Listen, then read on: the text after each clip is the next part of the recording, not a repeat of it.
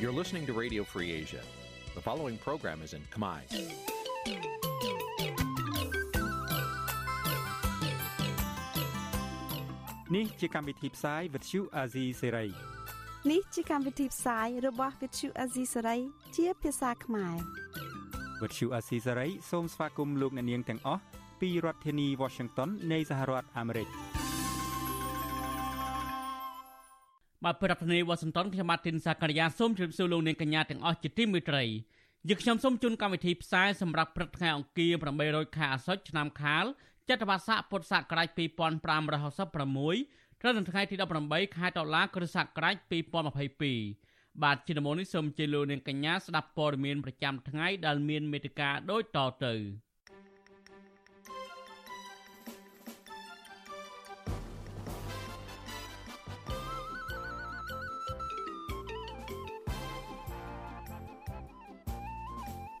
គ្រូសាសពអ្នកគាំទ្របាក់ភ្លឹងទៀនដល់គេបាញ់សម្លាប់នៅខេត្តត្បូងឃ្មុំអំពីនីវរយុទ្ធធរអញ្ញាធិបដោះលែងម្ចាស់ទុកដដល់ដឹកសិស្សសាលាលេខស្លាប់នោះវិញហើយ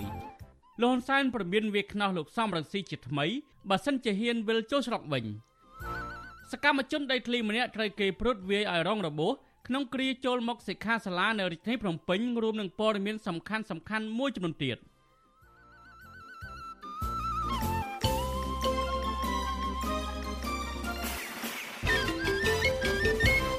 បាទលោកនាងទីមត្រីជាបន្តទៅនេះខ្ញុំបាទធីនសាករិយាសូមជូនព័ត៌មានពិស្ដាសមត្ថកិច្ចខេត្តកណ្ដាលបានដោះលែងម្ចាស់ទូក2នាក់និងអ្នកបើកបរទូកម្នាក់ហើយកាលពីថ្ងៃទី17ដុល្លារសារព័ត៌មានក្នុងស្រុកបានស្រង់សម្ដីស្នងការដ្ឋាននគរបាលខេត្តកណ្ដាលលោកឈឿនសុចិត្តមកចុះផ្សាយថាព្រះអាជ្ញាសម្រេចដោះលែងអ្នកទាំង3ឲ្យនៅក្រៅឃុំបណ្ដោះអាសន្នក្រោយបញ្ចប់ការសាកសួរចំណែកសំណុំរឿងនេះនៅតែបន្តនីតិវិធីតាមផ្លូវតុលាការដដែល។ អញ្ញាធរខេត្តកណ្ដាលបានឃាត់ខ្លួនមនុស្ស3នាក់កាលពីថ្ងៃទី15ដុល្លារដែលរួមមានម្ចាស់ទូកចម្លងឬទូកដ2នាក់មានឈ្មោះឆឹងស្រីណាឬឆឹងវណ្ណា និងឆឹងស្រីនាងរួមនឹងបរិសអ្នកបើកបរទូកម្នាក់ឈ្មោះថេតចន្ទធីសមត្ថកិច្ចបានសម្រេចឃាត់ខ្លួនម្ចាស់ទូកនិងអ្នកបើកបរទូកទាំង3នាក់ដើម្បីឲ្យទទួលខុសត្រូវលើករណីលិចទូកដែលបានធ្វើឲ្យកុមារ11នាក់ស្លាប់កាលពីយប់ថ្ងៃទី13ដុល្លារកន្លងទៅ។ សារព័ត៌មានក្នុងស្រុកបានស្រង់សម្ដីព្រះអញ្ញានៅតុលាការខេត្តកណ្ដាលលោកលាវស្រេងដែលថាការសាកសួរអ្នកទាំង3នេះ បានបញ្ចប់ឯរឿងផ្សេងទៀតខាងលោកនឹងពិនិត្យនៅពេលក្រោយតែទោះជាយ៉ាងណានៅមិនទាន់មានប័ណ្ណចោទប្រកាន់លើអ្នកទាំង3នាក់នេះឡើយទេកុមារស្រីប្រុស11នាក់មានអាយុពី12ឆ្នាំដល់16ឆ្នាំបានលង់ទឹកស្លាប់ក្នុងហេតុការណ៍លិចទុកចម្លងឬទុកដកាលពីយប់ថ្ងៃទី13ដុល្លារ នៅភូមិកោះចម្រើនឃុំកំពង់ភ្នំស្រុកលើកដែកខេត្តកណ្ដាលអញ្ញាធិថាការលិចទុកនេះបណ្ដាលមកពីធ្វេសប្រហែសរបស់ម្ចាស់ទូកនិងខ្វះបទពិសោធន៍ក្នុងសំណុំរឿងនេះទាំងក្រុមគ្រួសារសាច់ញាតិរបស់កុមាររងគ្រោះអ្នកសិទ្ធិមនុស្សអ្នកតាមដានសង្គមនិងអ្នកច្បាប់ថាអាញាធរគួរតែស្វែងរកអ្នកពាក់ព័ន្ធផ្សេងទៀតរួមទាំងអាញាធរមានសមត្ថកិច្ចពាក់ព័ន្ធឲ្យមកទទួលខុសត្រូវទៅតាមទូនាទីលើសពីនេះពួកគេសនំពរឲ្យអាញាធរត្រូវមានវិធានការបន្ថែម ដើម្បីទប់ស្កាត់កុំឲ្យហេតុការណ៍បែបនេះកើតមានឡើងតទៅទៀត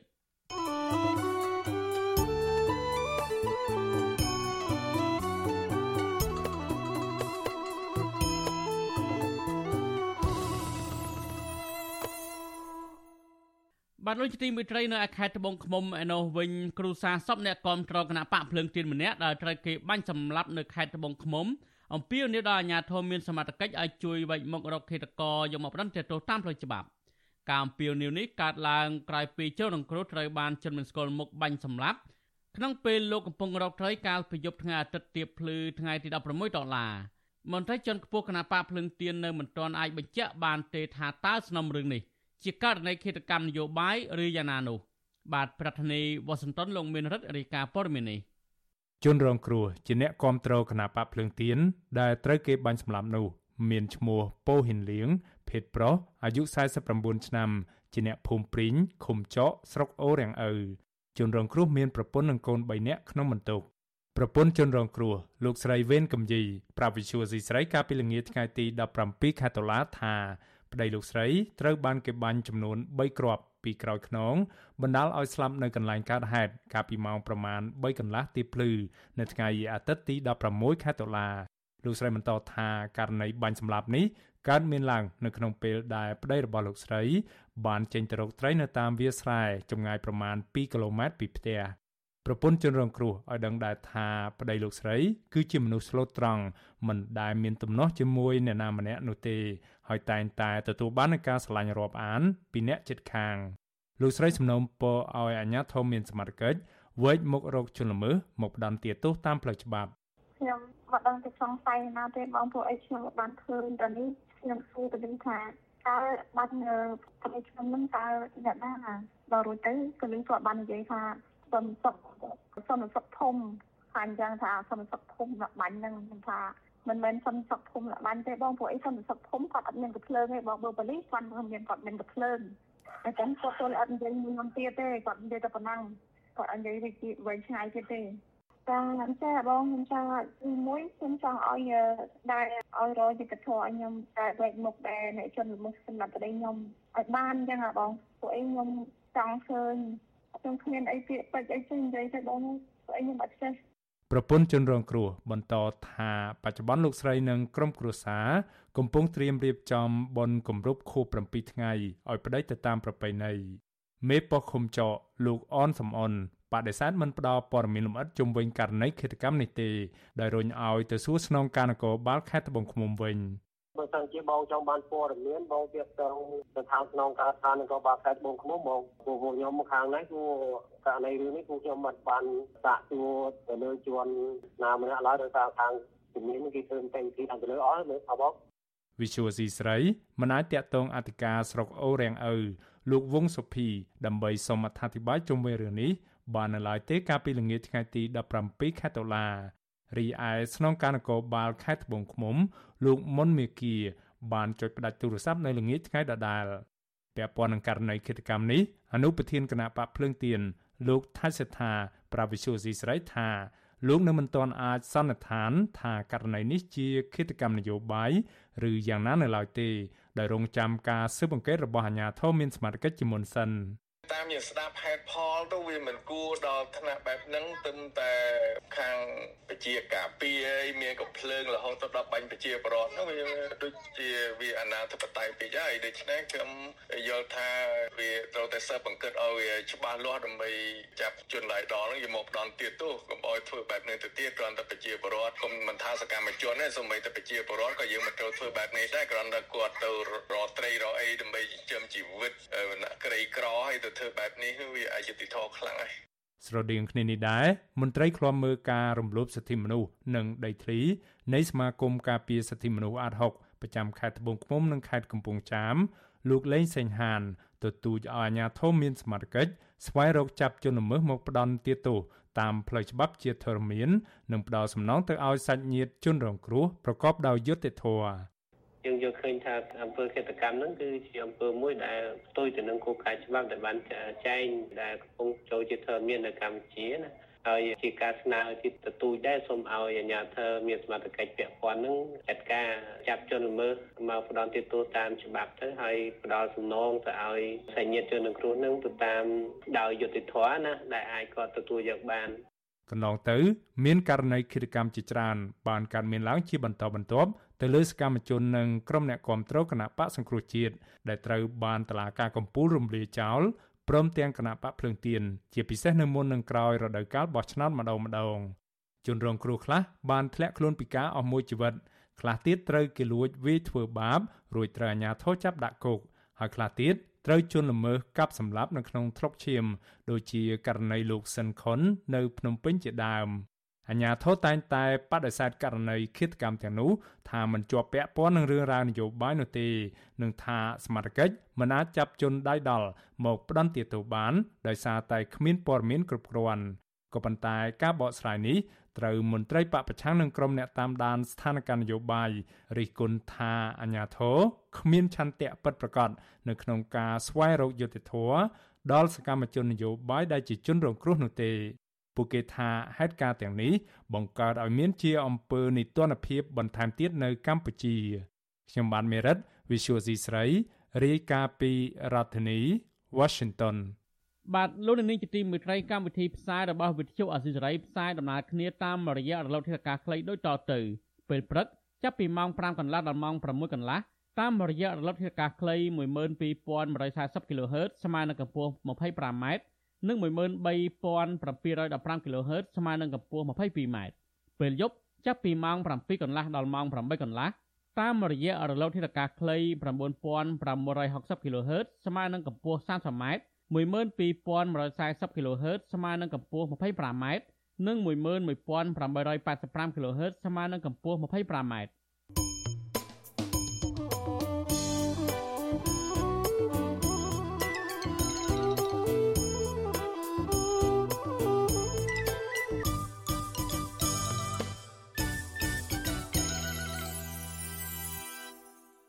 បានលោកជាទីមេត្រីតកតងនឹងគណៈបកប្រឆាំងវិញលោកនាយរដ្ឋមន្ត្រីហ៊ុនសែនប្រកាសដាក់ផែនការតាមកំចាត់មេដឹកនាំគណៈបកប្រឆាំងលោកសំរងស៊ីចេញពីឆាកនយោបាយឲ្យខាងតែបានហើយលោកក៏ប្រមានវេខ្នោះលោកសំរងស៊ីនិងមេដឹកនាំគណៈបកប្រឆាំងនៅក្រៅប្រទេសផ្សេងទៀតបើពួកគេហ៊ានឈានជើងជន់ទឹកដីកម្ពុជា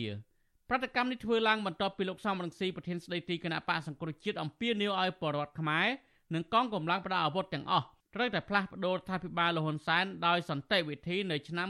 2023ខាងមុខបាទប្រធានាធិបតីវ៉ាស៊ីនតោនលោកថាថៃរាយការណ៍ព័ត៌មាននេះថ្លែងក្នុងពិធីចែកសញ្ញាបត្រឲ្យនិស្សិតនៅសាកលវិទ្យាល័យមួយនៅរាជធានីភ្នំពេញនៅថ្ងៃទី17ខែតុលាលោកនាយករដ្ឋមន្ត្រីហ៊ុនសែនខឹងសម្បាជាខ្លាំងនិងប្រធានស្ដីទីគណៈបកសង្គ្រោះជាតិលោកសំរងស៊ីដែលបានអំពាវនាវឲ្យមានការផ្លាស់ប្តូររដ្ឋាភិបាលលោកហ៊ុនសែននៅឆ្នាំ2023លោកហ៊ុនសែនចាត់ទុកសារនោះ ថាជាមនោគមវិជ្ជាជ្រុលនិយមហើយលោកប្រកាសដាក់ផែនការតាមកំចាត់ជាដាច់ខាតចំណែកគណៈបកនយោបាយណាដែលជាប់ពាក់ព័ន្ធជាមួយលោកសំរងស៊ីវិញ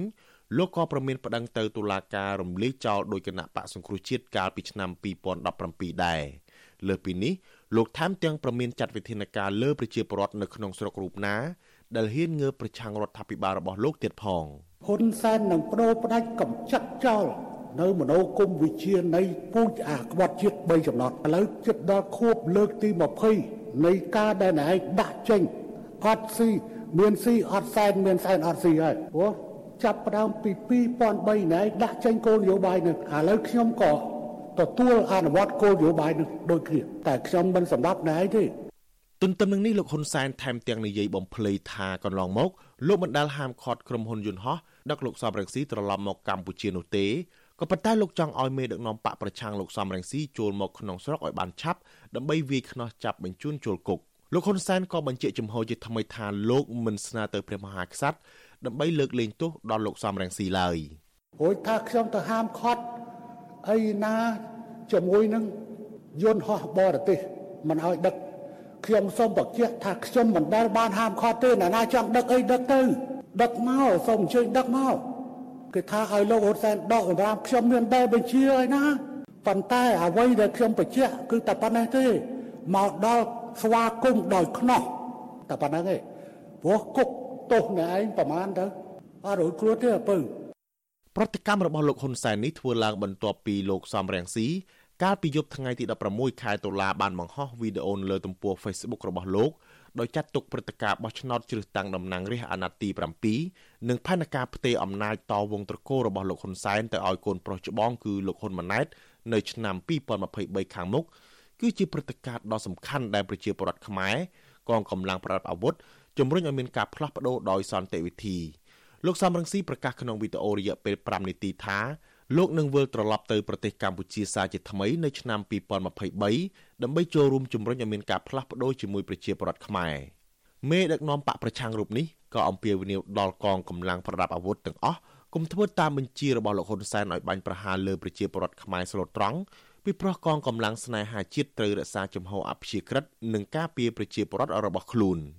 ខ្ញុំជឿថានឹងមានការជំទាស់ មានការតវ៉ាយ៉ាងខ្លាំងប្រឆាំងគម្រោងបន្តពូជរបស់លោកហ៊ុនសែនយើងចង់ឲ្យមានការបន្តវេនក្នុងចំណោមយុវជនខ្មែរដែលមានសមត្ថភាពមានស្នាដៃតែយើងមិនចង់ឲ្យមានការបន្តវេនគ្រាន់តែនៅក្នុងត្រកូលមួយគឺត្រូវតែលើសគេលើឯងមានសិទ្ធិដឹកនាំប្រទេសកម្ពុជាជារៀងរហូត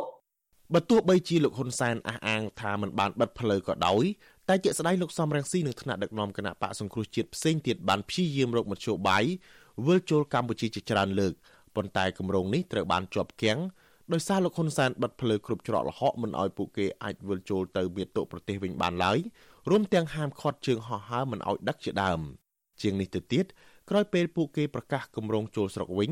អាជ្ញាធរបានចាប់ខ្លួនសកម្មជននិងអ្នកគាំទ្រគណៈបកសង្គ្រោះជាតិក្នុងស្រុកដាក់ពន្ធនាគារជាបន្តបន្ទាប់ ចំណែកលិខិតឆ្លងដែនកម្ពុជារបស់មេដឹកនាំបកប្រឆាំងនិងសកម្មជនភៀសខ្លួននៅក្រៅប្រទេសជាង30នាក់ត្រូវបានរដ្ឋាភិបាលលោកហ៊ុនសែនប្រកាសលុបចោលមិនឲ្យពួកគេប្រើប្រាស់សម្រាប់ធ្វើដំណើរខាងក្រៅប្រទេសបានទៀត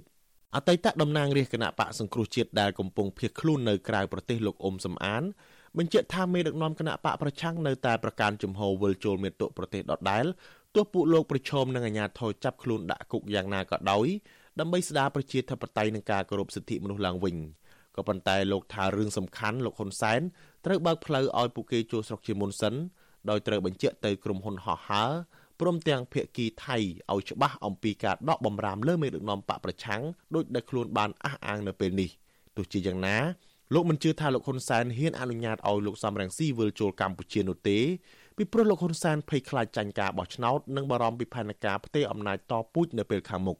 គណៈបក្សសង្គ្រោះជាតិនៅតែបដិញ្ញាចិត្តចូលទៅប្រទេសកម្ពុជាវិញដដែលឲ្យតែមានការបើកឡូវពីលោកហ៊ុនសែនកុំដោយលោកហ៊ុនសែនគាត់និយាយបានតែមាត់ណាក៏ប៉ុន្តែការពិតជាស្ដែងគាត់មិនហ៊ានបើកផ្លូវឲ្យលោកសំរងស៊ីហើយនិងថ្នាក់ដឹកនាំគណៈបក្សសង្គ្រោះជាតិធ្វើត្រឡប់ចូលទៅកម្ពុជាវិញនោះទេយើងឃើញកន្លងមកណា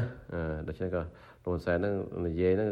សុំចេញជាលាលអសរពិតប្រកបមកក៏និយាយតែមាត់ចឹងដល់ចឹងនិយាយតែមាត់ចឹងមិនយកជាការបានទេ អគ្គលេខាធិការសហព័ន្ធនិស្សិតបញ្ញវន្តកម្ពុជាលោកគៀនពន្លកមើលឃើញថាសារឆ្លើយឆ្លងរបស់មេដឹកនាំធំធំទាំងពីរនេះមិនបានផ្ដល់ដំណោះស្រាយនយោបាយនោះទេ តែសារឌឺដងដាក់គ្នាបែបនេះគឺកាន់តែបង្ហាញពីការបែកបាក់ជាតិលោកយល់ថាមេដឹកនាំគណៈបកកណ្ដាលអំណាចនិងមេដឹកនាំគណៈបកប្រឆាំងលមុំដល់ពេលជួលតុកចរចាផ្នែកនយោបាយហើយប្រគល់ប្រជែងគ្នាតាមរយៈការបោះឆ្នោតដោយសេរីត្រឹមត្រូវនិងយុត្តិធម៌ ដើម្បីដោះស្រាយបញ្ហាជាតិដែលកំពុងរងទណ្ឌកម្មនានាពីសហគមន៍អន្តរជាតិ ចង់ឃើញអ្នកនយោបាយដែលសុទ្ធតែជាអ្នកនយោបាយចាស់ទុំផ្នែកនយោបាយចូលតុចរចាដើម្បីបង្ហាញប្រាប់អន្តរជាតិថាខ្មែរយើងគឺមិនបាច់ពឹងបរទេសទេក៏ប៉ុន្តែខ្មែរយើងអាចសម្រោះសម្រួលគ្នាបានបង្រួបបង្រួមជាតិបានផ្សះផ្សាជាតិបានខ្ញុំមិនចង់ឃើញអ្នកនយោបាយដែលប្រើបាទសម្ដីហិង្សាដាក់គ្នាទៅវិញទៅមកព្រោះអីភាសាដែលអ្នកនយោបាយប្រើនៅពេលនេះជាពិសេសលោកនាយករដ្ឋមន្ត្រីហ៊ុនសែនមិនមែនជាគំរូល្អសម្រាប់យុវជនចំនួនក្រោយទេ រដ្ឋាភិបាលរបស់លោកហ៊ុនសែនបានរំលាយគណៈបកសង្គ្រោះជាតិដែលមានអ្នកគ្រប់គ្រងជិតពាក់កណ្ដាលប្រទេសកាលពីចុងឆ្នាំ2017រួចរៀបចំការបោះឆ្នោតដែលគេចាត់ទុកថាជាការបោះឆ្នោតបង្ក្រប់កិច្ចនោះបានប្រមូលយកអាសនៈសភាទាំងស្រុងមកកាន់កាប់តែម្នាក់ឯងក្រុមការដឹកនាំរបស់លោកនេះបានបំបិទសិទ្ធិថ្នាក់ដឹកនាំគណៈបកប្រឆាំងចំនួន118នាក់មិនឲ្យធ្វើនយោបាយរយៈពេល5ឆ្នាំនិងដកហូតយកអាសនៈពីថ្នាក់មូលដ្ឋានរហូតដល់ថ្នាក់ជាតិរបស់គណៈបកសង្គ្រោះជាតិទៅចែកគ្នាកាន់កាប់ មកដល់ពេលនេះថ្នាក់ដឹកនាំនិងសកម្មជនគណៈបកសង្គ្រោះជាតិជាច្រើនរូបកំពុងជាប់បណ្ដឹងនៅតុលាការក្រមបទចាត់រោមគំនិតក្បត់ញុះញង់ឲ្យយោធិនមិនស្ដាប់បង្គាប់និងញុះញង់ឲ្យមានភាពវឹកវរធ្ងន់ធ្ងរដល់សន្តិសុខសង្គមជាដើមក្នុងនោះមួយចំនួនកំពុងជាប់ឃុំក្នុងពន្ធនាគារនិងមួយចំនួនទៀតភៀសខ្លួននៅក្រៅប្រទេសទង្វើរបស់រដ្ឋាភិបាលលោកហ៊ុនសែនពាក់ព័ន្ធនឹងការរំលោភសិទ្ធិមនុស្សនិងលទ្ធិប្រជាធិបតេយ្យនេះត្រូវបានសហគមន៍ជាតិនិងអន្តរជាតិថ្កោលទោស និងដាក់ទណ្ឌកម្មជាបន្តបន្ទាប់ដែលនាំឲ្យប៉ះពាល់ដល់ប្រយោជន៍ជាតិនិងប្រជាពលរដ្ឋខ្ញុំថាថៃពីរដ្ឋធានី Washington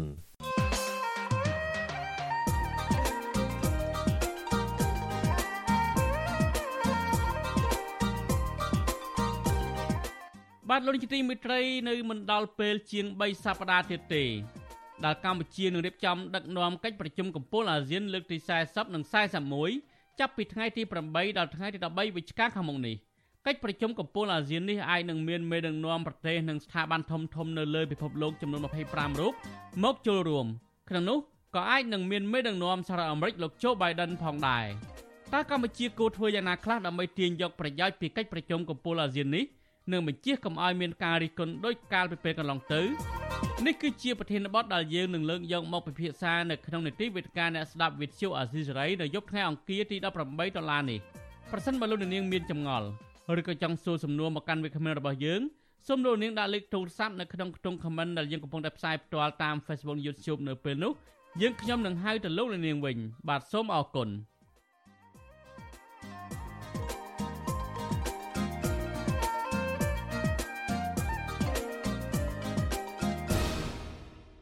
បបាទលោកទីមិត្តរីកម្មវិធីវេទិកាប្រជាពលរដ្ឋកម្ពុជាកាលពីថ្ងៃទី17ដុល្លារជំរុញឲ្យយុវជនក្លាយជាពលរដ្ឋសកម្មដើម្បីសមត្ថភាពនិងយុត្តិធម៌សង្គមតាមរយៈការចូលរួមលុបបំបាត់អំពើពុករលួយអំពើហិង្សានិងការរើសអើងដោយឡែកនៃវិភាននយោបាយជំរុញឲ្យយុវជនត្រូវចេះស្វែងយល់ពីសិទ្ធិនិងកាតព្វកិច្ចរបស់ខ្លួនហើយនៃវិភាគចាត់ទុកបរដ្ឋអសកម្មប្រៀបបានដូចជាដាវដែលដាក់ទុកនៅក្នុងស្រោមតែប៉ុណ្ណោះបាទ ពីរដ្ឋធានីវ៉ាស៊ីនតោនលោកលេងម៉ាលីរាយការណ៍ព័ត៌មាននេះកិច្ចពិភាក្សានៃវេទិកាប្រជាពលរដ្ឋកម្ពុជា នៅថ្ងៃទី17តុលាផ្ដោតលើប្រធានបទចលនានៅកម្ពុជា ដើម្បីសហគមន៍គ្មានអំពើហិង្សាគ្មានអំពើពុករលួយ និងការរើសអើងដើម្បីសមត្ថធម៌និងយុត្តិធម៌សង្គម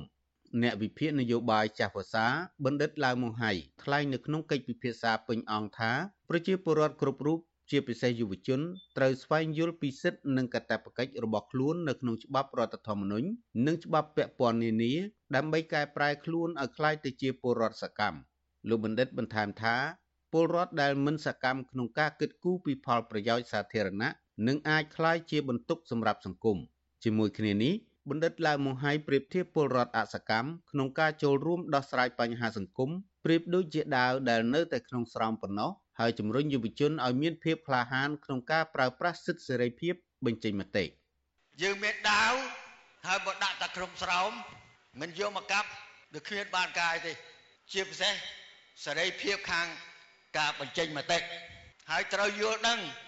ថាការប្រើប្រាស់សេរីភាពនេះវាមានព្រំដែនហើយមានព្រំដែនតែ4ទេគឺកុំឲ្យប៉ះពាល់ដល់កិត្តិយសអ្នកដទៃ កុំឲ្យប៉ះពាល់ទៅដល់ដែលទំនៀមទម្លាប់ល្អរបស់សង្គមសន្តិភាពសាធារណៈសន្តិសុខជាតិ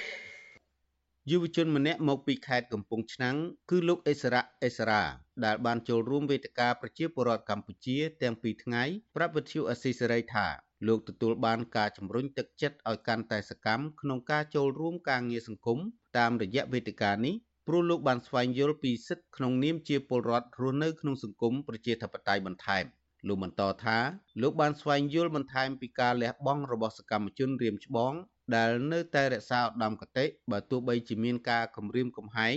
ឬទិញទឹកចិត្តប៉ុន្តែពួកគាត់នៅតែរក្សាជំហរគិតគូរពីប្រយោជន៍រួមជាធំយើងជាប្រទេសងើបពីសង្គ្រាមដែរអញ្ចឹងហើយអញ្ចឹងយើងឆ្លងកាត់ច្រើននោះវាបង្កើតទៅដល់ឲ្យមានជំងឺសតិអារម្មណ៍អញ្ចឹងធ្វើឲ្យមនុស្សខ្លាច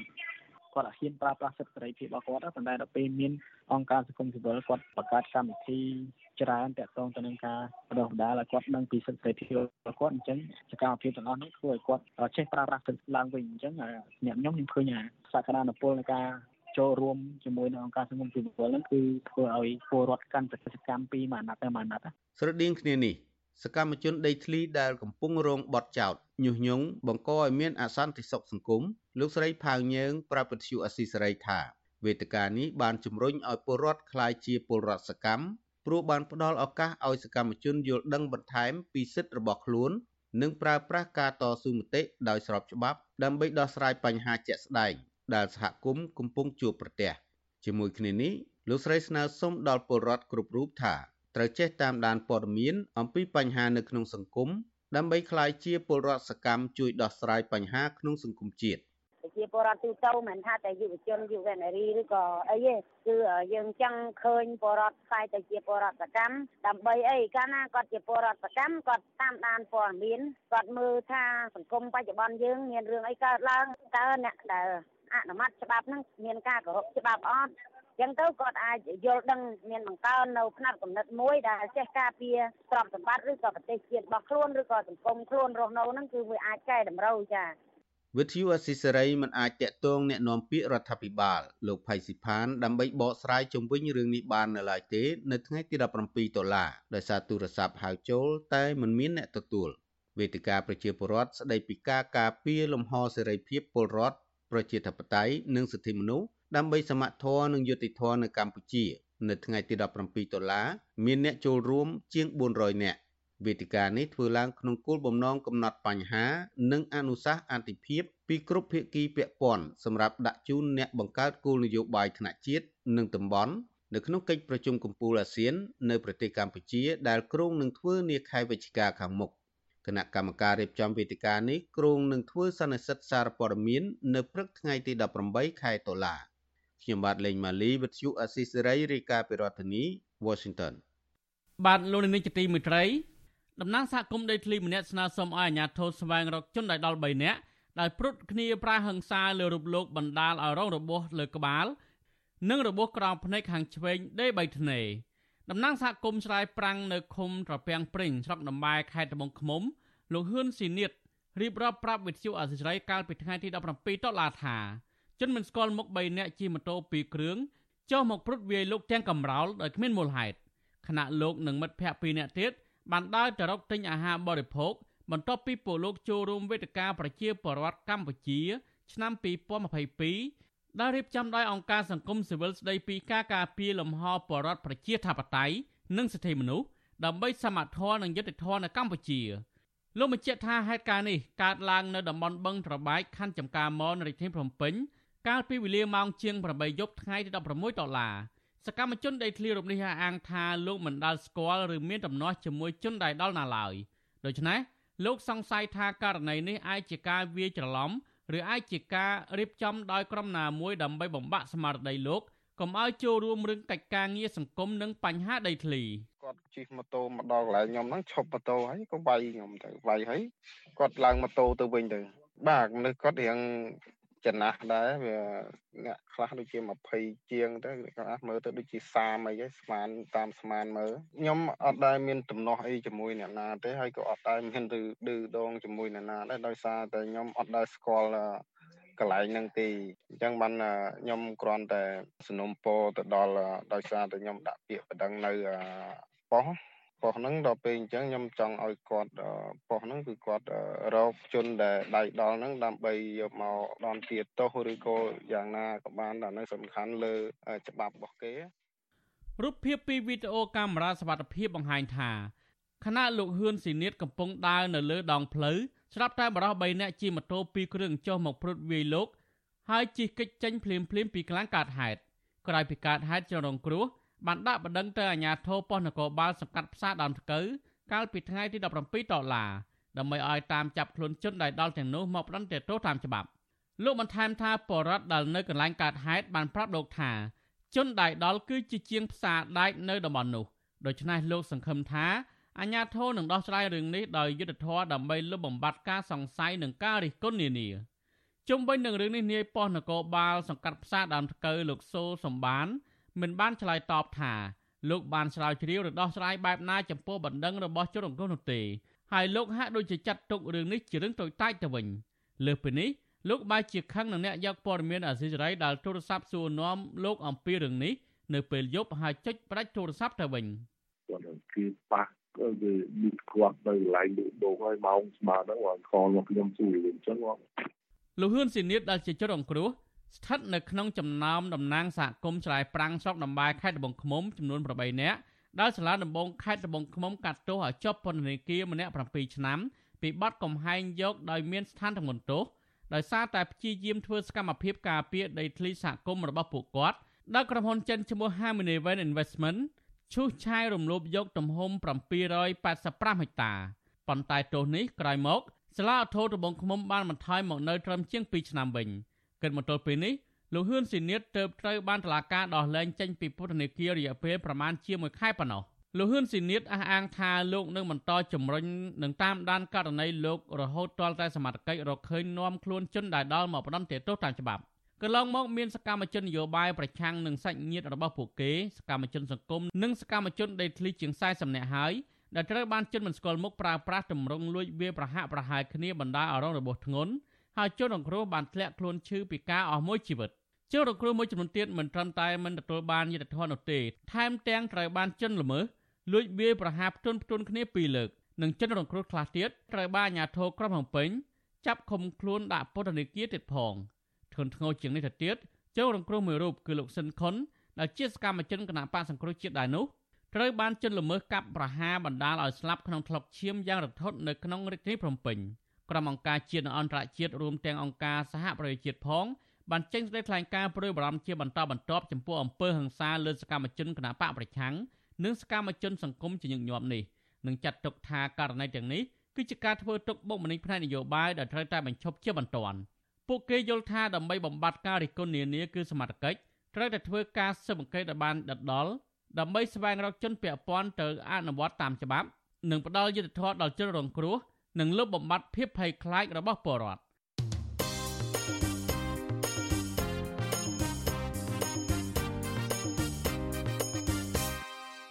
បានលោកនាយកទីមេត្រីលោកនាយករដ្ឋមន្ត្រីហ៊ុនសែនបញ្ជាឲ្យអភិបាលខេត្តប៉ៃលិននិងខេត្តបាត់ដំបងពន្យល់នីតិវិធីភូមិសាស្ត្រព្រំប្រទល់រដ្ឋបាលរវាងខេត្តទាំងពីរឲ្យបានច្បាស់លាស់ដើម្បីផ្ដល់ភាពងាយស្រួលដល់ប្រជាពលរដ្ឋនិងសិទ្ធិស្របច្បាប់លើកម្មសិទ្ធិដីធ្លី សង្គមស៊ីវិលសាទរចំពោះចំណាត់ការរបស់ប្រមុខរដ្ឋាភិបាលហើយស្នើឲ្យអាជ្ញាធរកាត់ជ្រៀលដីជូនពលរដ្ឋនិងបែងចែកតំបន់រដ្ឋបាលច្បាស់លាស់បានប្រធានាធិបតីវ៉ាស៊ីនតោនលោកសនចន្ទរដ្ឋារាយការណ៍ព័ត៌មាននេះលោកនាយករដ្ឋមន្ត្រីហ៊ុនសែនបញ្ជាអភិបាលខេត្តបាត់ដំបងនិងខេត្តបៃលិនចុះកំណត់ទីតាំងភូមិសាស្ត្រព្រំប្រទល់រវាងខេត្តទាំងពីរឲ្យបានយ៉ាងយូរពីសប្តាហ៍លោកបញ្ជាក់ថាបើធ្វើមិនកើតទេលោកចុះធ្វើការងារនេះដោយផ្ទាល់លោកហ៊ុនសែនថ្លែងបែបនេះ នៅក្នុងពិធីប្រគល់សញ្ញាបត្រជូនដល់និស្សិតសាកលវិទ្យាល័យមួយនៅភ្នំពេញនៅថ្ងៃទី17ខែតុលាលោកហ៊ុនសែនលើកឡើងថាប្រតិបត្តិនៅមិនតង់កំណត់ព្រំប្រទល់នៃខេត្តទាំងពីរនេះគឺពួកគេពិបាកទទួលសេវាសាធារណៈពិបាកក្នុងការបោះឆ្នោតហើយគ្មានកម្មសិទ្ធិលើដីធ្លីដើម្បីយកប្រើប្រាស់ជាមួយធនាគារហើយប្រើប្រាស់ជាផលប្រយោជន៍ផ្សេងទៀតបាននោះទេលោកថានៅពេលប្រត់ធ្វើបានកម្មសិទ្ធិដីធ្លីនៅខេត្តបាត់ដំបងនិងខេត្តបៃលិនតែអាជ្ញាធរខេត្តទៅនេះមិនចេញកម្មសិទ្ធិឲ្យប្រកបទេដោយសមាងឋានបននេះមិនទាន់វិនិច្ឆ័យ គំនរក្នុងរបបរដ្ឋបាលខេត្តណាមួយឲ្យបានច្បាស់លាស់នៅឡើយទេ បាត់ដំបងអត់ចេញកម្មសិទ្ធិដីធ្លីឲ្យទេហើយនៅខំកាន់កាប់ដីទៀតខ្ញុំថាតែអាដាមសុកលូនិងបានសៃវតពីរនាក់ហ្នឹងបើធ្វើមិនតាន់ទេគឺខ្ញុំនឹងចុះនៅពីអាទិត្យទៀតឲ្យពេលវេលាទៅប៉ុណ្ណឹងបើធ្វើមិនតាន់ទេគឺខ្ញុំនឹងទៅនឹងចុះទៅឆ្វាយខេតប្រមាណហើយធ្វើមិនចេញវាមានចែបើតាមខ្ញុំសើវាមានអាអ្នកធំមួយចំនួនវាចាប់ដីនៅក្នុងវាទៅដាំស្វាយនៅក្នុងអញ្ចឹងវាទៅរៀបរាំងនៅរដ្ឋបាលខេត្តបាត់ដំបងកុំឲ្យកាត់ដីហ្នឹងចូលទៅបៃលិនរឿងវាអញ្ចឹង ប្រជាប្រដ្ឋម្នាក់នៅតំបន់ដីមិនតាន់កំណត់រដ្ឋបាលលោកសាមឡាតប្រាវិទ្យាស៊ីសេរីថាតំបន់នោះជាអង្គភាពចាស់នៃអតីតខ្មែរក្រហមដែលលោកចែកឲ្យហើយលោករស់នៅតំបន់នោះតាំងពីឆ្នាំ1991រហូតមកទល់សពថ្ងៃលោកបន្តថាការកំណត់រដ្ឋបាលខេត្តណាក៏ដោយក៏ជាទឹកដីខ្មែរដែរសំខាន់ណាស់តែរដ្ឋាភិបាលបញ្ជាក់ថាជាតំបន់ខេត្តណាមួយដើម្បីឲ្យប្រកងាយស្រួលតាក់ទងជាមួយអាជ្ញាធរពាក់ព័ន្ធលោកសាមឡានថាកន្លងទៅតំបន់នេះមិនច្បាស់លាស់ថាជាខេត្តណាគ្រប់គ្រងពិតប្រាកដទេ លោកសង្ឃឹមថានៅពេលអាញាធរវវែងកំណត់ព្រំប្រទល់ខែរួចនឹងមានការផ្ដល់សិទ្ធិស្របច្បាប់ដើម្បីអាចប្រើប្រាស់ក្នុងការប្រកបរបបផ្សេងផ្សេងលោកសែមឡានបញ្ជាក់ថាប្រតិបត្តិនេះជាស្ដែងជិត80គ្រួសារហើយមានអ្នកអង្គភាពចាស់ជា100គ្រួសារក៏បានដាក់ពាក្យស្នើសុំទៅអាញាធរខេត្តបាត់ដំបងដើម្បីទទួលបានដីស្របច្បាប់ផងដែរ។ ដីហ្នឹងខ្ញុំនៅតាំងពីសមារណកម្មតាំងពីចំនួនអិនតាក់មកដីតំបន់ហ្នឹងតាំងពី91មកម្លេះរហូតមក96ហ្នឹងយើងបានបានសមារណកម្មហើយយើងបានទៅធ្វើតាំងពីពីហ្នឹងមកក្រោយមកបឋានបានមិនឲ្យយើងចេញចូលហើយយើងព្យាយាមធ្វើឲ្យស្របច្បាប់មិនចង់ទៅទន្ទ្រានដើម្បីកុំឲ្យប៉ះពាល់អញ្ចឹងណាថាវិបាលបានសម្រេចអញ្ចឹងវាជាការងាយស្រួលសម្រាប់ពលរដ្ឋហើយអញ្ចឹងក៏វាសុបាយចិត្តមែនដើម្បីកុំឲ្យគាត់ហេហាអញ្ចឹងណាសុបាយចិត្តមកបៃលិនវាចិត្តមិនដឹងថាអាជ្ញាធរគាត់គិតយ៉ាងម៉េចទៀតហ្នឹងจะមើលចំណាត់ការរបស់គាត់ណាដឹកនាំខាងអាជ្ញាធរខេត្តខេត្តហ្នឹងមើលក្រោយពីសមារណកម្មឆ្នាំ1996អតីតខ្មែរក្រហមដែលបានចូលរួមជាមួយរដ្ឋាភិបាលលហ៊ុនសែនបានរស់នៅតាមតំបន់ដែលធ្លាប់រស់នៅប៉ុន្តែអាជ្ញាធរខេត្តបាត់ដំបងនិងខេត្តបៃលិនមិនបានកំណត់ព្រំប្រទល់ខេត្តបានច្បាស់លាស់ដែលធ្វើប្រតិនេះគ្មានកម្មសិទ្ធិដីធ្លីស្របច្បាប់ដើម្បីប្រើប្រាស់នោះទេតើតងបញ្ហានេះវិទ្យុអេស៊ីសេរីមិនទាន់អាចតតងអភិបាលខេត្តបាត់ដំបងលោកសុកលូ និងអភិបាលខេត្តបេលិនអ្នកស្រីបានសេរីមុំដើម្បីសុំការថាតបាយបន្ថែមជុំវិញបញ្ហានេះបានទេ នៅថ្ងៃទី17ខែតុលាដោយទូរស័ព្ទចូលគ្មានអ្នកទទួលប៉ុន្តែ Facebook របស់អភិបាលខេត្តបាត់ដំបងលោកសុកលូបានផ្សាយថាលោកបានចុះទៅត្រួតពិនិត្យព្រំប្រទល់នៅឃុំកំរៀងស្រុកកំរៀងដែលជាប់ជាមួយឃុំស្ទឹងកាច់ស្រុកសាឡាក្រៅជាមួយមន្ត្រីក្រមអាវ៉ាតចំណែកអភិបាលខេត្តបេលិនអ្នកស្រីបានសេរីមុំក៏បានដឹកនាំមន្ត្រីក្រមអាវ៉ាតចូលទៅកាន់តំបន់ប្រើប្រាស់ចរាចរណ៍ព្រំប្រទល់ស្រុកសំឡូតនិងក្រុងបេលិនដែរ នៅថ្ងៃទី17ដុល្លារនេះតែមិនទាន់មានការបញ្ជាក់ណាមួយពីអាជ្ញាធរខេត្តទាំងពីរអំពីចំនួនផ្ទៃដីជាក់លាក់និងចំនួនគ្រួសារដែលត្រូវកំណត់ព្រំប្រទល់ខេត្តនៅឡើយទេ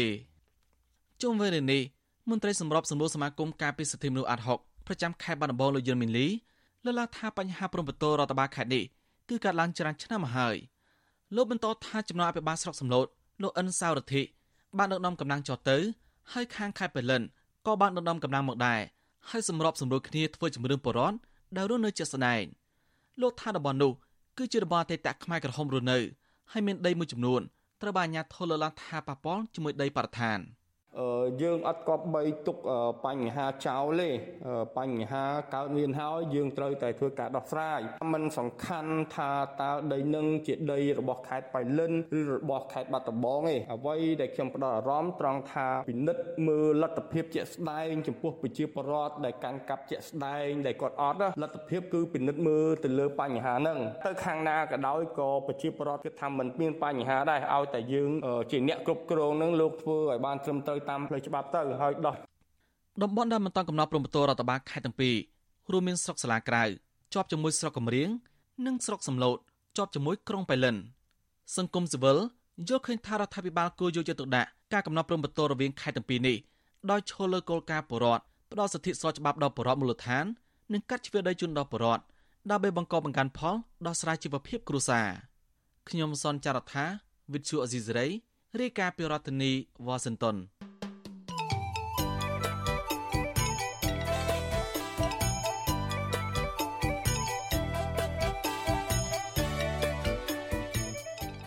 បាទលោកនាយកទីមេត្រីក្នុងឱកាសនេះដែរខ្ញុំបាទសូមថ្លែងអំណរគុណដល់លោកនាងកញ្ញាទាំងអស់ដែលតែងតែមានភក្ដីភាពចំពោះការផ្សាយរបស់យើងហើយចាត់ទុកការស្ដាប់វិទ្យុអាស៊ីសេរីជាផ្នែកមួយនៃសកម្មភាពប្រចាំថ្ងៃរបស់លោកនាងការគ្រប់គ្រងរបស់លោកនាងនេះហើយដែលធ្វើឲ្យយើងខ្ញុំមានទឹកចិត្តកាន់តែខ្លាំងថែមទៀតក្នុងការស្វែងរកនិងផ្តល់ព័ត៌មានជូនលោកនាងមានអ្នកស្ដាប់មានអ្នកទស្សនាកាន់តែច្រើនកាន់តែធ្វើឲ្យយើងខ្ញុំមានភាពស្វាហាប់មោះមុតជាបន្តទៅទៀតយើងខ្ញុំសូមអរគុណទុកជាមុន ហើយសូមអញ្ជើញលោកនាងកញ្ញាចូលរួមជំរុញឲ្យសកម្មភាពផ្តល់ព័ត៌មានរបស់យើងនេះកាន់តែជោគជ័យបន្ថែមទៀតលោកនាងអាចជួយយើងខ្ញុំបានដោយគ្រាន់តែចុចចែករំលែកឬ share ការផ្សាយរបស់យើងនៅលើបណ្ដាញសង្គម Facebook និង YouTube ទៅកាន់មិត្តភ័ក្តិដើម្បីឲ្យការផ្សាយរបស់យើងបានទៅដល់មនុស្សកាន់តែច្រើន សូមអរគុណ។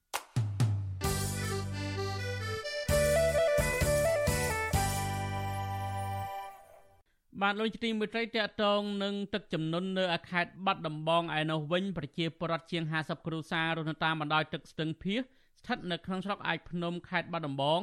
កំពុងខ្វះទីជម្រកនិងស្បៀងអាហារខណៈទឹកចំនួនកំពុងតែលិចផ្ទះសម្បែងនិងស្រែចម្ការរបស់ពួកគាត់មន្ត្រីសង្គមស៊ីវិលស្នើអរដ្ឋបាលស្រុកនិងស្ថាប័នពាក់ព័ន្ធជួយសង្គ្រោះប្រជាពលរដ្ឋដែលបានជំនះទៅរស់នៅលើទីទួលមានសុវត្ថិភាពហើយនោះ នឹងធ្វើរបាយការណ៍ជំវិញនឹងផលប៉ះពាល់បណ្ដាលមកពីទឹកជំនន់ឲ្យបានឆាប់រហ័សបាទប្រធានាធិបតីវ៉ាស៊ីនតោននៃស្រីសុជីវីរាយការណ៍ព័ត៌មាននេះពលរដ្ឋរស់នៅតាមបណ្ដោយស្ទឹងភៀសនៅក្នុងភូមិគោកដូងឃុំពីមឯកលោកសុតថនប្រាប់វិទ្យុអាស៊ីសេរីកាលពីថ្ងៃទី17ខែតុលាថាទឹកក្នុងអាងភៀសបានហក់ឡើងខ្ពស់ធ្វើឲ្យទឹកជន់លិចផ្ទះរបស់ប្រជាពលរដ្ឋនៅតាមបណ្ដោយមាត់ស្ទឹងលោកថាទឹកជំនន់បានពន្លិចផ្ទះរបស់លោកកន្លះខែមកហើយ ដែលបង្ខំឲ្យលោកទៅរកទីទួលសវត្ថភាពដោយសង់ខ្ទមប្រក់តង់កស៊ូនៅលើចិញ្ចើមផ្លូវ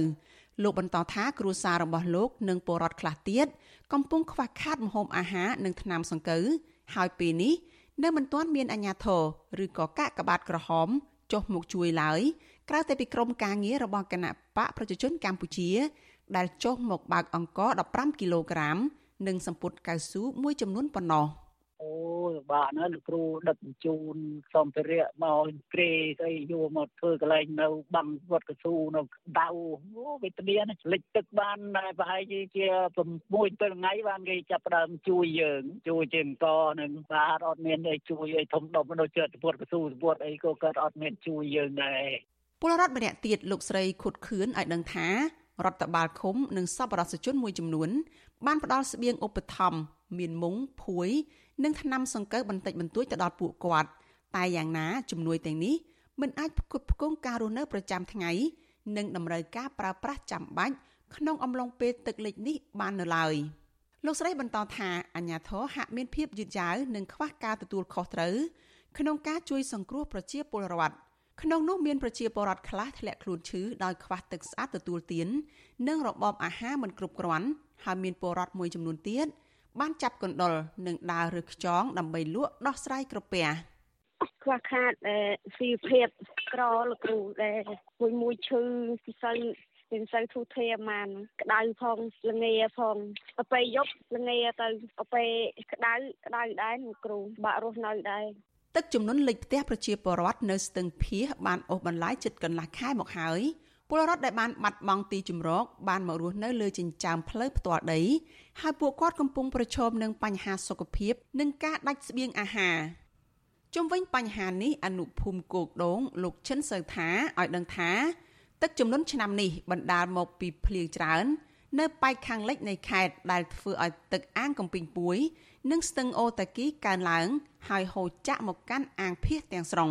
លោកអះអាងថាពលរដ្ឋទាំងនោះ មានកន្លែងស្នាក់នៅបណ្ដោះអាសន្នត្រឹមត្រូវនិងទទួលបានថ្នាំសង្កូវអង្ករមីពីក្រមមន្ត្រីគណៈបកប្រជាជនកម្ពុជា និងសប្បុរសជនមួយចំនួនខាងអាញាធោបានរៀបចំរួចឲ្យអស់ហើយបងមានតាំងពីឆ្នាំពេទ្យអីបានរៀបចំរួចឲ្យខ្សាច់ខ្ញុំកំពុងតែចាយគាត់រាល់ថ្ងៃនេះណាអឺចំណែកពួតទៅសូវិញគាត់អីទេគេមានគ្រប់គ្រាន់មកហើយខាងនេះណាបាទបានដោះស្រាយឲ្យគាត់អីរួចហើយគាត់មិនខ្វះទេខាងនេះ ចំណែកអ្នកសម្របសម្រួលផ្នែកឃ្លាំមើលការរំលោភសិទ្ធិមនុស្សនៃអង្គការលីកាដូប្រចាំនៅខេត្តបាត់ដំបងលោកអិនគង្ជិតគាំទ្រចំពោះការផ្តល់ជំនួយឧបត្ថម្ភដល់ប្រជាពលរដ្ឋរងគ្រោះដោយទឹកជំនន់ប៉ុន្តែលោកជំរុញឲ្យអភិបាលស្រុកឯកភ្នំត្រូវបញ្ជូនរបាយការណ៍ជំវិញផលប៉ះពាល់និងការរងគ្រោះរបស់ពលរដ្ឋទៅកាន់រដ្ឋបាលខេត្តឲ្យបានលឿនដើម្បីពន្លឿនការដោះស្រាយបញ្ហានេះលោកបន្ថែមថាគណៈកម្មការគ្រប់គ្រងគ្រោះមហន្តរាយនិងការកបាតក្រហមកម្ពុជា គួរផ្ដល់ការឧបត្ថម្ភដល់ពលរដ្ឋរងគ្រោះជាស្បៀងអាហារថ្នាំសង្កូវនិងសម្ភារៈប្រើប្រាស់ចាំបាច់ផ្សេងផ្សេងទៀតដើម្បីធានាដល់ការរស់នៅរបស់ពួកគាត់ទម្រាំទឹកស្រកទៅវិញមន្ទីរធនធានទឹកខេត្តហ្នឹងក៏លោកត្រូវពិនិត្យមើលឲ្យបានដិតដល់ទៅលើការពន្លឿនបើកទ្វារទឹកដើម្បីឲ្យទឹកបានស្រកស្រកលឿនហើយដើម្បីឲ្យពួកគាត់បានវិលត្រឡប់និងធ្វើស្រែឡើងវិញព្រោះពួកគាត់មានការខ្វះខាតបាទ ក្នុងរយៈពេល1ខែមកនេះខេត្តបាត់ដំបងប្រឈមនឹងបញ្ហាទឹកជំនន់បណ្ដាលមកពីកំណើនទឹកភ្លៀងនិងការបើកទំនប់ទឹកដែលបង្កផលប៉ះពាល់ដល់ប្រជាពលរដ្ឋរស់នៅតាមតំបន់ទំនាបនិងតំបន់ក្បែរបឹងទន្លេសាបពលរដ្ឋភៀសច្រើនបង្ខំចិត្តផ្លាស់ទីទៅរកទីកន្លែងសុវត្ថិភាពឬចងក្បូនបណ្ដែតនៅលើទឹកនិងជួបបញ្ហាខ្វះស្បៀងអាហារបន្ថែមពីលើជីវភាពកំពុងខ្វះខាតស្រាប់ទន្ទឹមគ្នានេះពួកគាត់ត្រូវប្រឈមនឹងហានិភ័យដល់អាយុជីវិត ដែលបណ្ដាលមកពីការលង់ទឹកជំងឺដង្កាត់និងសត្វអាសេរពិសផងដែរនាងខ្ញុំសុជីវីវិទ្យុអាស៊ីសេរីពីរដ្ឋធានី Washington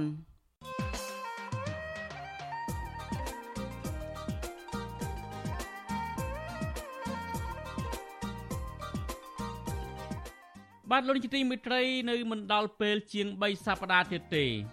ដែលកម្ពុជានឹងរៀបចំដឹកនាំកិច្ចប្រជុំកំពូលអាស៊ានលើកទី40និង41ចាប់ពីថ្ងៃទី8ដល់ថ្ងៃទី13វិច្ឆិកាខាងមុខនេះកិច្ចប្រជុំកំពូលអាស៊ាននេះអាចនឹងមានមេដឹកនាំប្រទេសនិងស្ថាប័នធំធំនៅលើពិភពលោកចំនួន25រូបមកចូលរួមក្នុងនោះក៏អាចនឹងមានមេដឹកនាំសហរដ្ឋអាមេរិកលោកโจ Biden ផងដែរតើកម្ពុជាគួរធ្វើយ៉ាងណាខ្លះដើម្បីទាញយកប្រយោជន៍ពីកិច្ចប្រជុំកំពូលអាស៊ាននេះ និងបញ្ជាកុំឲ្យមានការរិះគន់ដោយកាលពីពេលកន្លងទៅនេះគឺជាប្រធានបទដែលយើងនឹងលើកយកមកពិភាក្សានៅក្នុងនីតិវេទិកាអ្នកស្ដាប់វិទ្យុអាស៊ីសេរីនៅយប់ថ្ងៃអង្គារទី18ដុល្លារនេះប្រសិនបើលោកនាងមានចម្ងល់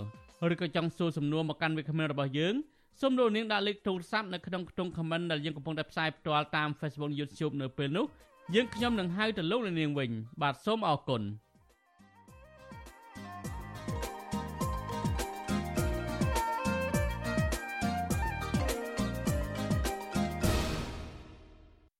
បានលោកនេះជាទីមេត្រីនៅខេត្តភូមិភាគអេសានឯនោះវិញជនជាតិដើមភាគតិចមួយចំនួនខ្លាចរអាមិនហ៊ានចុះល្បាតព្រៃនឹងរាយការណ៍ពីបទល្មើសព្រៃឈើទៅប្រព័ន្ធផ្សព្វផ្សាយដោយកាលពីពេលមុនទៀតទេព្រោះភ័យខ្លាចអាជ្ញាធរចាប់ដាក់គុកចំណែកអាជ្ញាធរច្រានចោលចំពោះការលើកឡើងនេះហើយលើកទឹកចិត្តឲ្យបរដ្ឋចូលរួមការពារព្រៃឈើស្របតាមច្បាប់ជនជាតិដើមភាគតិចមួយចំនួនរស់នៅខេត្តរតនគិរីនិងខេត្តស្ទឹងត្រែងបានបោះបង់ការងារជាអ្នកការពារព្រៃឈើក្នុងសហគមន៍របស់ពួកគាត់ ព្រោះបារម្ភពីសុវត្ថិភាពផ្ទាល់ខ្លួននិងក្រុមគ្រួសារការលើកឡើងនេះក្រោយពីអាជ្ញាធរតែងតែធ្វើទុកបុកម្នេញលើបរិវត្តណាដែលចេញមុខការពីប្រៃឈើនិងផ្ដាល់ព័ត៌មានទៅប្រព័ន្ធផ្សព្វផ្សាយពីបទល្មើសប្រៃឈើក្នុងដែនសមត្ថកិច្ចរបស់ខ្លួនជនជាតិដើមភាគតិចតំពួនខេត្តរតនគិរីកលោកខំនិនប្រាប់វិទ្យុអាស៊ីសេរីនៅថ្ងៃទី17ដុល្លារថាប្រិយសហគមន៍ភូមិកែងសាន់មានផ្ទៃដីជាង4ហិកតាត្រូវកាប់រលាយអស់ស្ទើរទាំងស្រុងប៉ុន្តែមិនទាន់ឃើញអាជ្ញាធរចាប់ខ្លួនជនល្មើស និងអ្នកពាក់ព័ន្ធមកផ្ដន់ទោសនៅឡើយទេលោកថាបែរជាចាប់ខ្លួនអ្នកការពារប្រៃឈើលោកឆនផល្លាដាក់គុកជាច្រើនខែមកហើយលោកចាត់ទុកទង្វើរបស់អាជ្ញាធរបែបនេះថាជាសញ្ញាមិនអោយតម្លៃលើបរិវត្តដែលលះបង់ការពារប្រៃឈើទៅពេលចុងក្រោយទៅធនធានធម្មជាតិហ្នឹងវាអស់ទៅហើយដូចឥឡូវហ្នឹងអស់ទៅរលីងរលត់ហើយគឺមួយទីពីរអ្នកកពីហ្នឹងគេនៅភ័យខ្លាចចឹងណារីឯតំណាងសហគមន៍ជនជាតិដើមភាគតិចគួយឬនៅស្រុកថ្លាបរវត្តខេត្តស្ទឹងត្រែងលោកឋានវ៉នឲ្យដឹងថា មកទល់ពេលនេះសមាជិកសហគមន៍ការពារប្រៃឈើភូមិអន្លង់ក្រមួនជាង10នាក់បានបាច់បាក់សាមគ្គីផ្ទៃក្នុងឈប់ធ្វើសកម្មភាពការពារប្រៃឈើព្រោះខ្លាចអាញាធរធ្វើទុកបុកម្នេញនឹងរើសអើងពួកគាត់លើសពីនេះអាញាធរតែងតែគម្រាមកំហែងលោកដល់អាយុជីវិតនៅគ្រាដែលលោករាយការណ៍ពីបទល្មើសប្រៃឈើទៅប្រព័ន្ធផ្សព្វផ្សាយនិងសមត្ថកិច្ចជំនាញ អត់លើកទឹកចិត្តទេមានគម្រាមយើងថែមទៀតនោះអ្នកការពារគម្រាមរហូតដល់រួលបាញ់សម្លាប់រកឲ្យខ្ញុំនឹងថានោះបានកើតទីសហគមន៍ព្រិជើលោកមួយបែកបាក់ខ្ចាយអស់ខ្ញុំអត់ខាតទេក៏ប៉ុន្តែវាម្នាក់ឯងវាធ្វើអីមិនចាញ់លោកឋានវុនបន្ថែមថាអាញាធរមិនខ្វល់ខ្វាយអនុវត្តច្បាប់លើក្រុមជនល្មើសនិងអ្នកពាក់ព័ន្ធស្របតាមច្បាប់ទេគឺអាញាធរធ្វើបាបតែបរតណាដែលឈឺឆ្អាលពីសកម្មភាពបំផ្លាញធនធានធម្មជាតិលោកបន្តថាកន្លងទៅពួកលោកបានប្តឹងទៅអាញាធរភូមិឃុំ និងឈ្មោះពីបទរួមកំណត់ផ្ដាល់ឲ្យជនល្មើសកាប់បំផ្លាញព្រៃឈើសហគមន៍បន្ទាប់ពីពលលោករកឃើញភ័ស្តុតាងពីសកម្មភាពកាប់បំផ្លាញព្រៃឈើសហគមន៍អស់រាប់រយហិកតាដែលបង្កឡើងដោយអ្នកមានលុយនិងមានអំណាចប៉ុន្តែមកទល់ពេលនេះអាជ្ញាធរមិនទាន់ចាត់វិធានការនៅឡើយកាលពីថ្ងៃទី8កក្កដាសាលាដំបងខេត្តរតនគិរីបានផ្តន្ទាទោសកម្មជនការពារព្រៃឈើ3នាក់ឲ្យជាប់ពន្ធនាគារពី5ឆ្នាំទៅ6ឆ្នាំពីបទរួមគំនិតក្បត់ញុះញង់ឲ្យបរដ្ឋកាប់រុករានដីព្រៃធ្វើជាកម្មសិទ្ធិ ដោយក្នុងនោះសកម្មជនប្រៃឈើលោកស៊ីឋានញ៉ាន់និងលោកខំម៉ាសុកដាក់ពន្ធនាគារ5ឆ្នាំតែសម្រេចឲ្យនៅក្រៅឃុំចំណែកលោកឈុនផល្លាវិញតឡាការកាត់ទោសឲ្យជាប់ពន្ធនាគារ6ឆ្នាំក្រោយពីសមត្ថកិច្ចបានចាប់ឃុំខ្លួនកាលពីថ្ងៃទី20កញ្ញាឆ្នាំ2021ការប្តឹងផ្តល់នេះធ្វើឡើងក្រោយពីសកម្មជនប្រៃឈើរំនេះបានប្តឹងបរិហាអាញាធោពពាន់ឈ្មោះឈើនិងមន្ត្រីជំនាញទៅតុលាការខេត្តរតនគិរីចំនួន10សំណុំរឿងពីបទអនុគ្រោះបទល្មើសប្រៃឈើ និងមិនទប់ស្កាត់ការកាប់រៀនព្រៃឈើខុសច្បាប់ប៉ុន្តែតុលាការមិនបានចាប់វិធានការឡើយផ្ទុយទៅវិញលោកឈុនផល្លាបែរជាត្រូវអាជ្ញាធរមូលដ្ឋានព្រួតវាយដំលើរាងកាយបង្ខំឲ្យលោកដកបណ្ដឹងឆ្លើយតបនឹងរឿងនេះអ្នកនាំពាក្យសាលាខេត្តរតនគិរីលោកនាងសំអាតប្រាប់វិទ្យុអសិរ័យថាអាញាធរគ្រប់ដំណាប់ថ្នាក់បានលើកទឹកចិត្តនិងគាំទ្រឲ្យបរដ្ឋចូលរួមការពារធនធានធម្មជាតិលោកបញ្ជាក់ថាគោលចំហរបស់រដ្ឋាភិបាលនិងអាញាធរផ្ដល់ឱកាសឲ្យបរដ្ឋគ្រប់និន្នាការ មានសិទ្ធិចូលរួមការពារផលប្រយោជន៍ជាតិឬធនធានធម្មជាតិលោកបន្តថាអាញាធរអនុវត្តច្បាប់លើលោកឆុនផល្លាពុំមែនជាករណីការពារប្រៃឈើនេះទេគឺជាសំណុំរឿងរឿងផ្សេងទៀតយើងមានចំហការគ្រប់គ្រងនិងការចូលរួមរបស់ប្រជាពលរដ្ឋក្នុងការការពារធនធានធម្មជាតិមិនមែនមានន័យថាមិនឲ្យប្រជាពលរដ្ឋចូលរួមឬក៏គេចូលរួមឲ្យយើងទៅជំទាស់គេទេជុំវិញនឹងរឿងនេះមន្ត្រីសម្រាប់សម្រួលសមាគមអាតហុកខេត្តស្ទឹងត្រែងលោកប៊ីវ៉ានីសង្កេតឃើញថា ពលរដ្ឋដែលសកម្មការពារប្រឈើតែងតែប្រឈមនឹងការគំរាមកំហែងពីអាជ្ញាធរធ្វើឲ្យពួកគាត់បាក់ទឹកចិត្តនិងភ័យខ្លាចអាជ្ញាធរចាប់ដាក់គុកចំណែកឯអ្នកប្រព្រឹត្តបទល្មើសព្រៃឈើហាក់មិនខ្លាចសមត្ថកិច្ចអនុវត្តច្បាប់នោះឡើយដែលជាដើមចំធ្វើឲ្យបទល្មើសព្រៃឈើមិនថមថយនោះ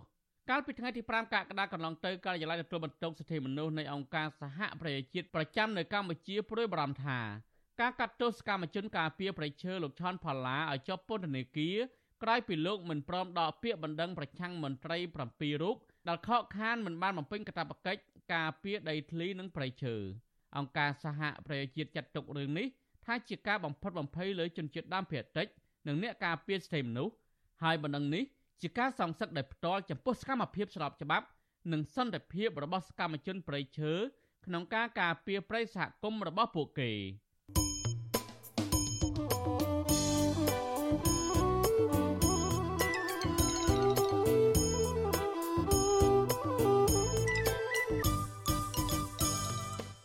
បាទលោកនាយកទីមេត្រីតទៅនឹងបញ្ហាសុខភាពវិញនាយកដ្ឋានការពារសុខភាពនៃក្រសួងសុខាភិបាលសហការជាមួយភ្នាក់ងារឆ្លងអាមេរិកសម្រាប់ការអភិវឌ្ឍអន្តរជាតិ USAID ថ្មីថ្មីនេះបានបើកយុទ្ធនាការសុខភាពទូទាំងប្រទេសក្រោមចំណងជើងថារស់នៅដោយបញ្ញាសុខភាពភ្លឺថ្លាដើម្បីលើកកម្ពស់ការទទួលទានអាហារត្រឹមត្រូវនិងភាពសកម្មនៃរាងកាយក្នុងគោលដៅកាត់បន្ថយអត្រាខ្ពស់នៃអ្នកកើតជំងឺទំនោរផ្អែម។ តើមូលហេតុអ្វីដែលនាំឲ្យប្រដ្ឋខ្មែរកាន់តែច្រើនកើតជំងឺដំណងផ្អែមហើយមានវិធីណាអាចបង្ការជំងឺនេះបាន បាទប្រធានាធិបតីវ៉ាស៊ីនតោនអ្នកស្រីម៉ៅសូធីនីរាយការណ៍ព័ត៌មាននេះអ្នកជំនាញសុខភាពឲ្យដឹងថាជំងឺទឹកនោមផ្អែមគឺជាជំងឺរ៉ាំរ៉ៃនិងជាឃាតករសម្រាប់ជីវិតមនុស្សដោយស្ងៀមស្ងាត់ដែលអត្រាអ្នកស្លាប់ជាង80%គឺស្ថិតនៅក្នុងប្រទេសដែលប្រជាប្រដ្ឋមានប្រាក់ចំណូលទាបឬក៏មធ្យម លោកវិជ្ជបណ្ឌិតគួចមេលីម្ចាស់មជ្ឈមណ្ឌលសុខភាពសិស្សមេលី J គួច និងជាវិជ្ជបណ្ឌិតជំនាញឯកទេសសុខាភិបាលសាធារណៈមានប្រសាសន៍ប្រពន្ធស៊ីស្រីថាមូលហេតុដែលបណ្ដាអបរដ្ឋខ្មែរកាត់ជំងឺទឹកនោមផ្អែមកើនឡើង គឺដោយសារការទទួលទានរបបអាហារមិនត្រឹមត្រូវប្រៃពេកផ្អែមពេកទទួលទានស្រាច្រើនពេកនិងខ្វះការហាត់ប្រាណដោយសារយើងញ៉ាំខុសក្បួន បាយហ្នឹងវាច្រើនពេកសបូរ carbohydrate អញ្ចឹងវាធ្វើឲ្យយើងងាយនឹងឡើងគីឡូហើយចិត្តស្ករច្រើនហើយចំពោះសាច់នៅស្រុកខ្មែរយើងចូលចិត្តតែញ៉ាំសាច់ដែលថាសាច់ជ្រូកមិនសូវញ៉ាំត្រីទេអញ្ចឹងណាភាគច្រើនញ៉ាំខ្លាញ់ហើយនៅអត់ទាន់ដឹងថាខ្លាញ់ជ្រូកហ្នឹងវាមហាគ្រោះថ្នាក់ដូច្នេះហើយនេះជាកត្តាហានិភ័យច្រើនអញ្ចឹងការញ៉ាំប្រៃការញ៉ាំខ្លាញ់ហើយការញ៉ាំផ្អែមហើយវប្បធម៌ខ្មែរគឺញ៉ាំផ្អែមខ្លាំងណាស់ ទាំងម្ហូបហើយទាំងញ៉ាំផ្អែមអញ្ចឹងខ្លាញ់ប្រៃផ្អែមជាតិបាយច្រើនស្រាហើយនឹងបារីទាំងអស់នោះគឺជាគ្រឿងក្រៅដែលនាំឲ្យគ្រោះថ្នាក់ដល់ជីវិតដែលបង្កកើតឡើងឲ្យមានទឹកនោមផ្អែមហ្នឹងប្រធានសមាគមគ្រូពេទ្យទឹកនោមផ្អែមនិងក្រពេញនៅកម្ពុជា លោកសាស្ត្រាចារ្យកុយវណ្ណីថ្លែងក្នុងសខាសាលាស្ដីពីការគ្រប់គ្រងជំងឺទឹកនោមផ្អែមប្រភេទ2កាលពីខែកក្កដាឆ្នាំ2022កន្លងទៅនេះថាបច្ចុប្បន្នអ្នកកាត់ជំងឺទឹកនោមផ្អែមនៅកម្ពុជា ដែលមានអាយុចន្លោះពី25ឆ្នាំទៅ64ឆ្នាំ គឺមានចំនួនជាង60ម៉ឺននាក់និងមានបរិវត្តជាង60ម៉ឺននាក់ផ្សេងទៀតកំពុងវិវត្តទៅរកកាត់ជំងឺទឹកនោមផ្អែម លោកអះអាងថាអត្រាអ្នកកើតជំងឺទឹកនោមផ្អែមថ្មីអាចកើនឡើងពី60ម៉ឺននាក់រហូតដល់ទៅ2លាននាក់លោកបន្តថាស្ថិតិអ្នកកើតជំងឺទឹកនោមផ្អែមកាលពីឆ្នាំ2016វិញគឺមានចំនួនជាង9សែននាក់ហើយបើធៀបកាលពីឆ្នាំ2010គឺមានត្រឹមតែជាង2សែននាក់ចំណែកលោកបច្ចៈបណ្ឌិតគួចមេលីក៏បានគូសបញ្ជាក់ថាបច្ចុប្បន្នអ្នកមានហានិភ័យខ្ពស់កើតជំងឺទឹកនោមផ្អែម ភាគច្រើនមានអាយុចន្លោះពី35ឆ្នាំទៅ40ឆ្នាំ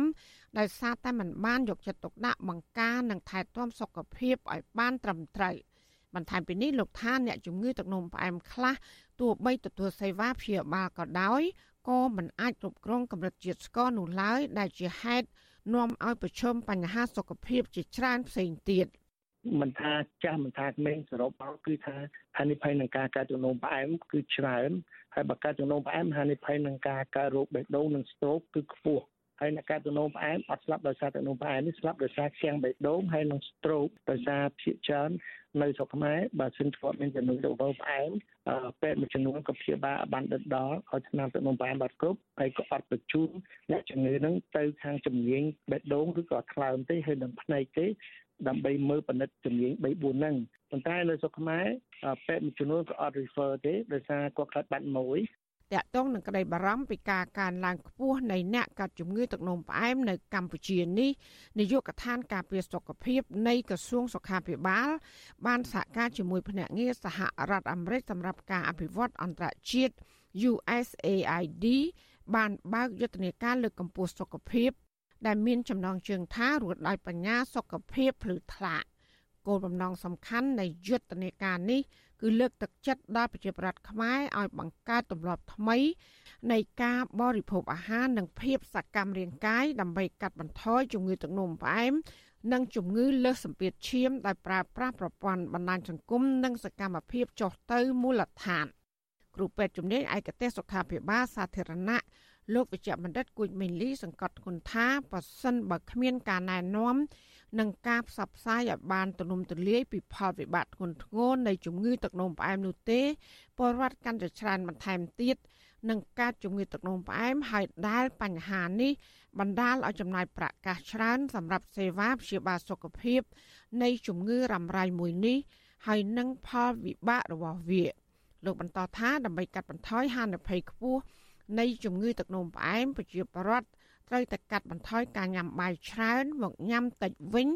បរិភោគសាច់ត្រីនិងសាច់មាន់ព្រមទាំងបន្លែគ្រប់មុខផ្លែឈើស្រស់ៗឲ្យបានច្រើន និងទទួលទានទៅដល់គោជាដើមនៅស្រុកខ្មែរគេហៅជំនាន់ឥឡូវជំនាន់អាយុខ្លីបើថាចាស់ចាស់គឺជំនាន់អាយុវែងចាស់ចាស់មានន័យថាបានហ្នឹងអាយុ65 70 80ទៅតែជាមកគឺកលៀនគាត់ល្អលំពេងគាត់ល្អសុខភាពគាត់ល្អ ប៉ុន្តែបើយើងធ្វើតេស្តពីអាយុ25ដល់45យើងមើលថាសុខភាពគាត់អន់ខ្សោយមែនតើដោយសារវ័យដែលគាត់កំពុងផឹកស៊ីហើយធ្វើការក្រៅញ៉ាំបាយក្រៅចាំផ្លូវដូច្នេះហើយខ្លាញ់ច្រើនខ្លោចច្រើនប្រៃប្រេងអត់ល្អហើយខ្វះជីវជាតិខ្វះគេហៅមហូបបួមុខនៅក្នុងមហូបហ្នឹងអញ្ចឹងគាត់បំពេញបាយដើម្បីឆ្អែតសុខភាពគាត់ហ្នឹងគឺហានិភ័យ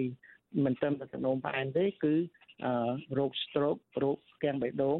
ហើយនិងរោគក្រិនថ្លើមការស្រាវជ្រាវជាច្រើនក៏បានបង្ហាញថារោគសញ្ញានៃជំងឺទឹកនោមផ្អែមប្រភេទទី1និងទី2គឺស្រដៀងគ្នារួមមានកម្រិតជាតិស្ករក្នុងឈាមឡើងខ្ពស់បាត់ជើងតូចញឹកញាប់ឧស្សាហ៍ស្រែកទឹកឃ្លានឥតឈប់ឈរស្រកទម្ងន់ឬក៏ឡើងទម្ងន់ភ្នែកត្រវាំងនិងមានអាការៈខ្សោយព្រមទាំងឆាប់ហត់នឿយអស់កម្លាំងអ្នកកើតជំងឺទឹកនោមផ្អែមបណ្ដាលមកពីលំពែង มันអាចបង្កើតអាំងស៊ូលីនឬអ៊ីនស៊ូលីនគ្រប់គ្រាន់ឬក៏សរីរាង្គមិនអាចប្រើប្រាស់ជាតិអាំងស៊ូលីន ដែលផលិតនោះទៅចិញ្ចឹមដល់កោសិកាផ្សេងផ្សេងអាំងស៊ូលីនឬអ៊ីនស៊ូលីនគឺជាប្រភេទអុកម៉ូនម្យ៉ាងដែលគ្រប់គ្រងឬក៏រំលាយជាតិស្ករនៅក្នុងឈាមអ្នកកើតជំងឺទឹកនោមផ្អែមរ៉ាំរ៉ៃបណ្ដាលឲ្យខ្វាក់ភ្នែកខូចតម្រងនោមជំងឺកាំងបេះដូងជំងឺដាច់សរសៃឈាមក្នុងខួរក្បាល និងការតម្រូវឲ្យកាត់ជើង។ ករណីធ្ងន់ធ្ងរខ្លះទៀតតម្រូវឲ្យវះកាត់បដូរកលៀនថ្មី ការត្រាវជ្រាវដដែលក៏បានរកឃើញផងដែរថាបច្ចុប្បន្នប្រជាពលរដ្ឋភាគច្រើនមានទំនោរទៅរកការទទួលទានរបបអាហារមានកាឡូរីខ្ពស់អាហារមានជាតិស្ករជាតិខ្លាញ់ជាតិអំបិលអាហារកែច្នៃមួយចំនួន អាហារខ្ចប់វិចអាហារកំប៉ុងនំផ្អែម ទឹកភេសជ្ជៈផ្អែមរួមមានកូកាកូឡានិងអាហារចំអិនភ្លាមភ្លាមតន់ចិត្ត ដែលប្រើខ្លាញ់ច្រើនឬក៏បំពងជាដើមការទទួលទានម្ហូបអាហារប្រភេទនេះញឹកញាប់គឺជាមូលហេតុបណ្ដាលឲ្យមានបញ្ហាសុខភាពជាច្រើន ហើយដែលក្នុងនោះទឹកនោមផ្អែមក៏ជាជំងឺធ្ងន់ធ្ងរមួយដែរអត្រាកើនឡើងនៃការកើតជំងឺទឹកនោមផ្អែមនេះមិនថាតែនៅប្រទេសកម្ពុជាទេសូម្បីតែប្រទេសជាច្រើនទៀតក្នុងពិភពលោកក៏មានការកើនឡើងអ្នកជំងឺនេះដែរ របាយការណ៍របស់អង្គការសុខភាពពិភពលោកចេញផ្សាយកាលពីថ្ងៃទី16ខែកញ្ញាឆ្នាំ2022ឲ្យដឹងថាក្នុងឆ្នាំ2021អ្នកកើតជំងឺទឹកនោមផ្អែមមានចំនួនប្រមាណ530លាននាក់ដែលកើនពីចំនួន422លាននាក់កាលពីឆ្នាំ2014នៅទូទាំងពិភពលោករបាយការណ៍បន្តថាបរិវត្តប្រមាណ7លាននាក់បានស្លាប់ដោយសារជំងឺទឹកនោមផ្អែមកាលពីអំឡុងឆ្នាំ2019 ចាននាងខ្ញុំម៉ៅសុធានីវិទ្យុអាស៊ីស្រីប្រធានាធិបតី Washington បាទលោកនាងជាទីមេត្រីការផ្សាយរយៈពេល1ម៉ោងនៃវិទ្យុអាស៊ីសេរីជាភាសាខ្មែរនៅពេលនេះចប់តែប៉ុណ្ណេះយើងខ្ញុំសូមជូនពរដល់លោកនាងព្រមទាំងក្រុមគ្រួសារទាំងអស់ឲ្យជួបប្រកបតែនឹងសេចក្តីសុខចម្រើនរុងរឿងកុំបីឃ្លៀងឃ្លាតឡើយ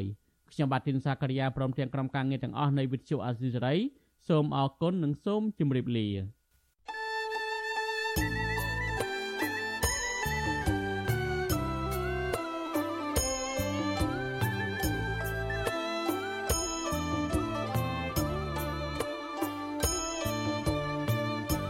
ទ្យុអេស៊ីសេរីផ្សាយតាមរលក ធាតុអាកាសខ្លី